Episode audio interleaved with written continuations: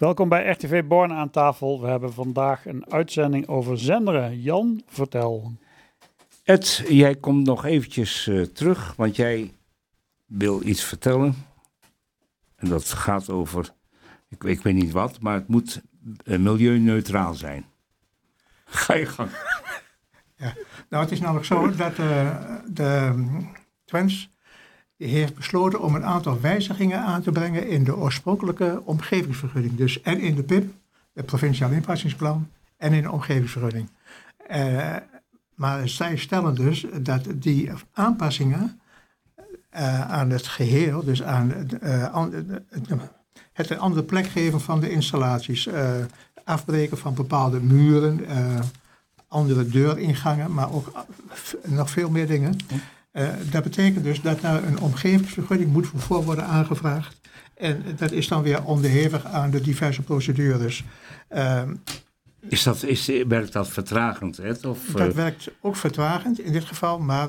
Maar dan, zal, dan snijdt Twens zich toch in de vingers, of niet? Nou, het zal waarschijnlijk meegenomen worden in die hoorzitting van 1 april. Aha. Uh, of, of van na 1 april. het volgende doet zich namelijk voor. we hebben daar uiteraard op gereageerd uh, bezwaar ingediend, een bezwaarschrift ingediend bij de provincie. Uh, toen kregen wij eigenlijk onverwachts bericht van de provincie van uh, ja, wij gaan dit niet inhoudelijk toetsen, want wij vinden dat dit behoort bij de oorspronkelijke vergunning. Dus zij hebben dus ons bezwaarschrift met de bijbehorende stukken opgezonden naar de Raad van State. En die zal dus op grond van artikel 6.15 en 6.9 die voor de AWB. Ja, die, mag, mag, ik even, mag ik even ja, onderbreken? Wat, wat gaan ze nu precies veranderen dan? Oh, uh, een 25, 30 dingetjes, maar dan meer op het gebied van gebouwen dan van milieu. Vandaar dat ze ook zeggen van, uh, let op, dit heeft geen gevolgen voor de milieuuitstoot, voor stikstof enzovoort enzovoort. Maar dus al die gegevens die worden dus nu ook behandeld uh, volgens die artikels die ik net noemde, uh, met een verzoek aan de Raad van State om die als één geheel mee te nemen in de oorspronkelijke vergunning. Dus dat betekent dat er dus weer meer extra werk komt. Uh, ik heb geprobeerd om dus de, de zittingsdatum van na 1 april nog weer naar achter te verschuiven. Daar heb ik nog geen bericht van gekregen, maar we moeten dus nog bericht hebben van de Raad van State om dus, wanneer zij dus die datum vaststellen. Nu komt dit er extra bij, is ook nog wel vrij uitgebreid. En ja, dat kan ook zijn invloed hebben. Of het inderdaad wel milieuneutraal is. Ja, en er komen dus nog veel meer dingen bij kijken. Maar deze twee dingen die worden samengevoegd en samen behandeld door de Raad van State. En, en, en, dat betekent eigenlijk voor ons is dat wel uh, financieel ook wel wat gunstiger. Want ook wij moeten het hebben van, uh, van bijdragen, van donaties. En als wij dus nu, uh, waar ik eerst ben vanuit gegaan van de provincie, dat ze dus ook uh, de zaak wel toezegden. Dat betekent dat wij dus weer een beroep moeten aantekenen bij de, uh, bij de Raad van State. Nou, dat uh, had ons dan weer, ik geloof, 760 euro gekost aan alleen maar griepiekosten. Plus wat er nog bij komt.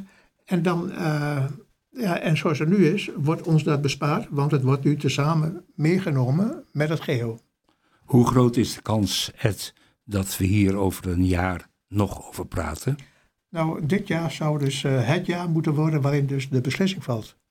Dus dat betekent dat dus uh, na 1 april, en dat zou misschien oktober, november zijn, later of misschien wat eerder, dat de uitspraak komt. En mocht die komen, en in het nadeel van ons, nou ja, dan gaat Twente aan de gang. Maar dan moeten ze nog wel zorgen dat ze dus, ik geloof voor 30 juni 2022, de installatie in, in bedrijf heeft. Die installatie die kost ongeveer 15 miljoen euro.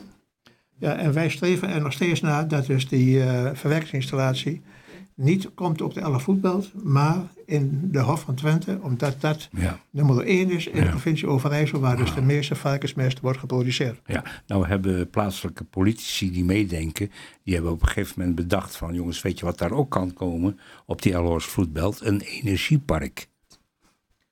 Nou, Wat uh, lach je? Uh, ja, ja, ja, ja. Heb ik eerder gehoord. Ja, ja. Wat vind je daarvan?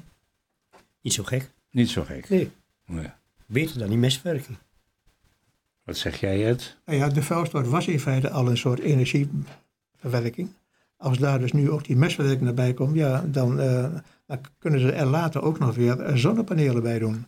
Op die gedeeltes die nog niet in gebruik zijn. Bijvoorbeeld daar aan de, aan de, kant, aan de, aan, aan de westkant bij de spoorlijn.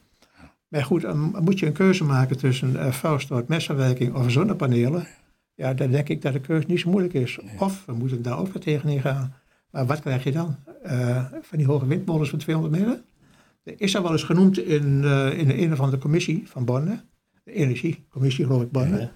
waarin ook sprake zou kunnen zijn dat er windmolens worden geplaatst op de 11 Mag ik nou concluderen dat Zenderen een bijzonder dorp is? Was, is en misschien ook nu nog wordt? Ja, daar ligt er maar aan op welk gebied natuurlijk. Hè? Ja. ja. Kloosters vertrekken, windmolens komen er voor in de plaats. Ja. Bijvoorbeeld.